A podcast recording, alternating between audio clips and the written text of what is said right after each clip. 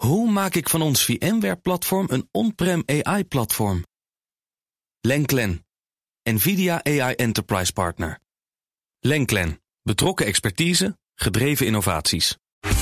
Tech Update. Maar wij hebben Joe van Buurik. Ministers willen de veelbesproken sleepwet aanpassen om ons beter te kunnen weren tegen cyberaanvallen. Wie zegt dat? Nou, uh, afzwaaiend minister van Defensie, Henk Kamp in NRC. Je zou het haast vergeten, maar die heeft een paar maanden die positie ook nog ingevuld. Tot nu toe dus, of tot over een paar dagen. Hij benadrukt dat cyberaanvallen en de verspreiding van desinformatie één van de drie grote nieuwe dreigingen zijn. Naast die van autonome wapens en de strijd der ruimtesatellieten. Hij zegt uh, onder meer in het NRC: landen als Rusland en China kunnen doen wat ze willen. Want, maar wij hebben ethische principes en regels om ons aan te houden. En zegt ook, we moeten adequater kunnen verdedigen tegen staten die agressieve cyberpolitiek hebben. Met een zodanig snelle manier van besluitvorming dat wordt voorkomen dat de nationale veiligheid in het gedrang komt. Nou, dan heb je dus al gauw over cyberbeleid. Ja. Hij benoemde daarbij uh, de Inlichtingen en Veiligheidsdienstenwet, de WIF, die we ook wel in de volksmond de sleepwet noemen. Daar wil die tijdelijke aanpassingen uh, wat er dan precies anders wordt, dat zegt Kamp niet. Er staat sowieso een wijziging van die wet gepland, maar dat gaat nog even duren. Uh, kwam er in 2018 al, maar hij zegt ook van ja, eigenlijk is de mogelijkheid om data te onderscheppen die via de netwerkkabels in Nederland aankomt, niet gebruikt. Omdat de toezichthouder die aanvragen van de MIVD of de INVD steeds afwijst. Aha, vandaar dat hij dit roept. nou, daar is het ook voor bedoeld, zou je ja, zeggen, dat zeker. mechanisme. Natuurlijk is het altijd een beetje een machtsspelletje van waar liggen de bevoegdheden en hoe kun je er gebruik van maken, of toch niet. Nou, in elk geval, het dossier wordt door hem overgedragen aan zijn opvolger, Kajsa Olengren. Die schreef al mee aan die tijdelijke aanpassingen waar Kamp dus over heeft gesproken in de NRC. Uh, en het nieuwe kabinet moet over gaan besluiten of en hoe en wanneer dat dan gaat gebeuren. Duidelijk. Dan, ASML heeft last van brand in een van zijn fabrieken. Een fabriek was die ze hebben overgenomen in Berlijn. Ja, hè? Uh, die hebben ze in 2020 overgenomen van Berliner Glas. Staat dus ook in Berlijn, die productiehal. Um, het zou het automatisch reinigingssysteem zijn dat in brand is gevlogen.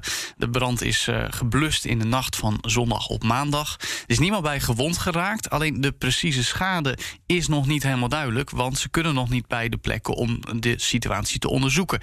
ASML moet dus ook nog uitzoeken wat dit dan voor gevolgen heeft voor de productieplannen van dit jaar. De uh, chips, machines die zij produceren zijn natuurlijk ook belangrijk voor de algemene chipsproductie over de hele wereld. En toen gisteren de verklaring over deze, de eerste verklaring over deze situatie buiten kwam, kregen ook al een tikje op de beurs. Sloten de dag af met 0,7% in de min. Hm.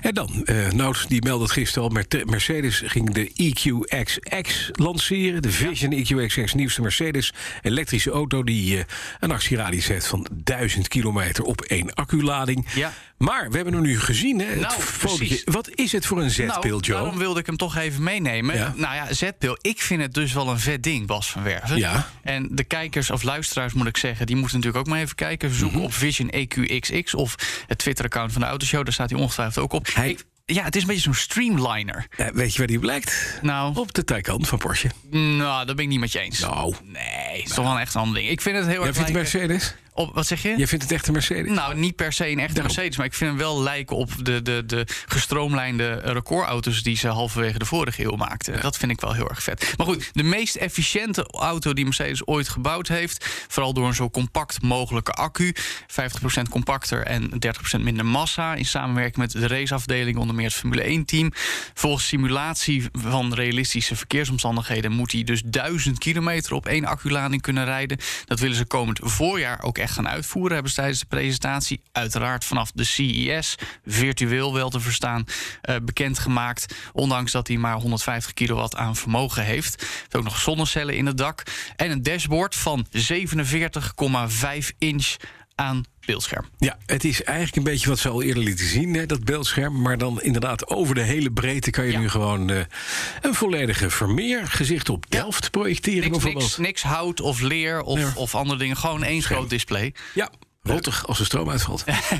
het is elektrisch, hè? Het hoort het altijd te doen, anders kun je ook niet rijden. Precies. Joe? Ja. Ja. Nee, ik zie het probleem niet. Ik, eh, of dat je bellen kunt als je Misschien stil wilt staan. Dankjewel, Joe van Buurik. Tech Update wordt mede mogelijk gemaakt door de NVIDIA-expertise van Lenklen.nl. Hoe vergroot ik onze compute power zonder extra compute power? Lenklen, Hitachi Virtual Storage Partner. Lenklen. Betrokken expertise, gedreven innovaties.